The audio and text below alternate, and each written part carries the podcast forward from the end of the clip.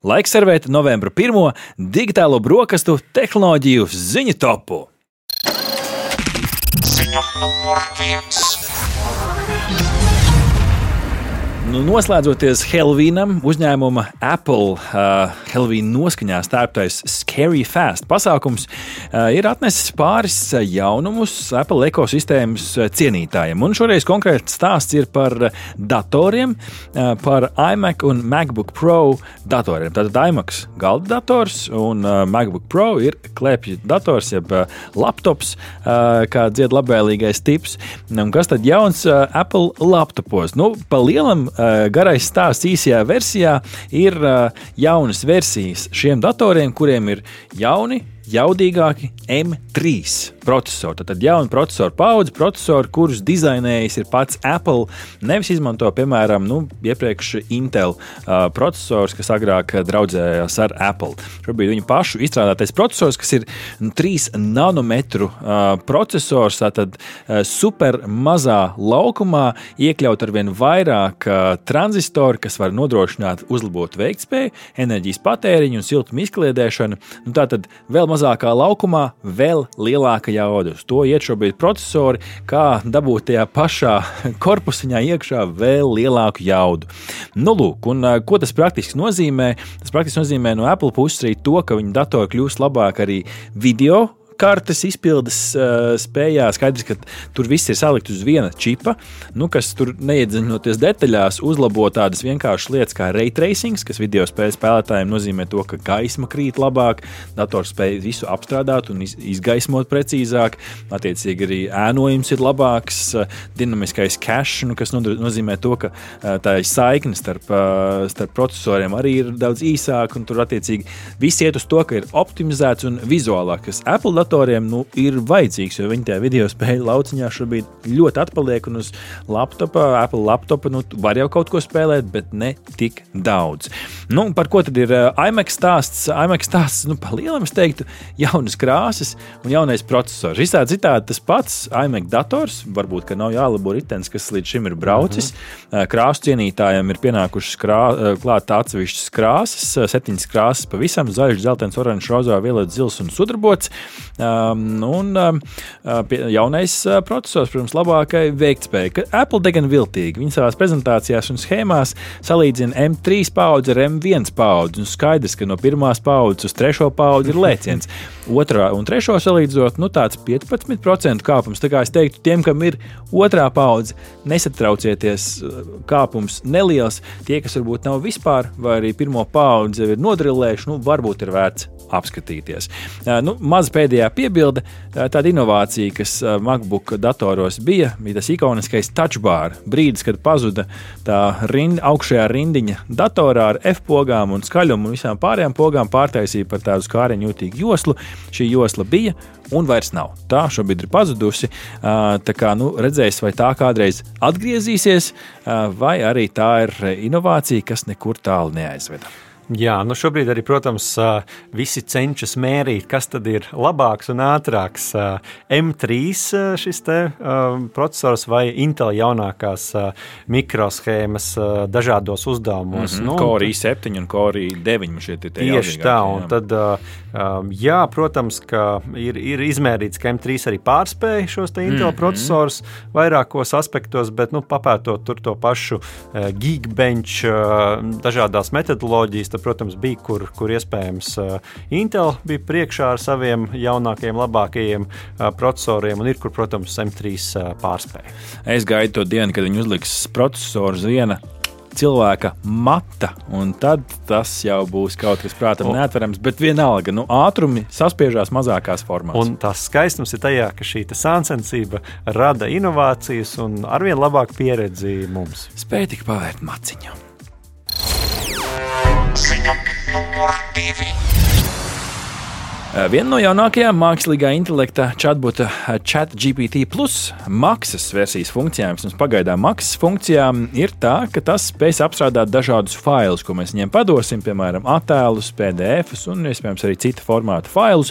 Un šīs chatbots spēs šo failu apstrādāt, uztvert tajā esošo informāciju, un šādā veidā cilvēkam nebūs tik daudz jāraksta tekstuāli pieprasījumi, varēs iemest, piemēram, savu, nu, par piemēru ņemsim lekciju PDF pasniedzēja izklāstījumu PDF, varēs iemest chatbotā un jau sākt prasīt viņam dažādus jautājumus, piemēram, saistībā ar šo studiju tematu. Nu, pagaidām maksas versijā, gan jau ar laiku būs arī bezmaksas versijā, bet jauns pavērsiens, es teiktu, jo ļoti daudz informācijas, kuras tiešām ir šādos slēptos, ierobežotos failos. Nu, ja mēs paskatāmies uz otru nometni, uz OpenAI konkurentiem, kas šajā gadījumā ir Anthropic, šis te modelis, mākslīgā intelekta modelis, tad tas ir, starp citu, pēdējā laikā saņēmis ļoti vērā ņemamus investīcijas. Google ir ieguldījis līdz pat diviem miljardiem šajā konkurentā, un tur arī ir pievienojies Amazon, kas septembrī investēja 4 miljardus dolāru. Nu, prātam, neatverams summas tiek gāztas iekšā, bet, kā redzam, nevis vienā katliņā, bet ir vairāki spēcīgi risinājumi. Jā, nu no savas puses tikai uh, piebildīšu, ka ka šobrīd pēc Google atrodamās informācijas mm -hmm. lielākie investori mākslīgajā intelektā ir pati Google, mm -hmm. Amazon, Microsoft un arī Meta, kas, protams, nav pārsteigums, jo šīs ir tās lielie tehnoloģiju giganti, kuri šobrīd cīnās par ietekmi, tā skaitā šajā jomā. Bet tur arī līdz ar to valkās līdzi vēl veselas citas industrijas, nu, piemēram, tā pati Nvidia, nu, kas agrāk bija izteikti tāds nu, video karšu ražotājs. Šobrīd mm -hmm. mākslīgais intelekts un tas, ko var izdarīt, izdarīt uz Nvidia kartēm ar programmatūras atbalstu. Nu, tas ir viens no viņiem, viņu jaunajiem jājiem zirdziņiem. Nu, Nē, skaties, šobrīd akciju cenu, un par to mēs nevaram spriest, bet vienā brīdī tas kārtīgi saviļņoja arī tirgu. Tā kā nu, ir jāspēj atrast arī savs biznesa pienesums šajā visā stāstā. Labā ziņa mums gala patērētājiem mākslīgais intelekts atrod jaunus praktiskus pielietojumus, jo dažkārt šķiet, ka mēs dzīvojam tādā nu, sajūsmas burbulī, bet tas praktiskais labums kā nav tā nav. Nu, tad šeit vismaz viens praktisks pienesums, sapratīs tos PDFs un iespējams arī tos attēlus, citu, kurus varēs mm -hmm. piespēlēt, un nebūs vienkārši jāapraksta tekstuālos uh, pieprasījumos. Ziņa numur 3.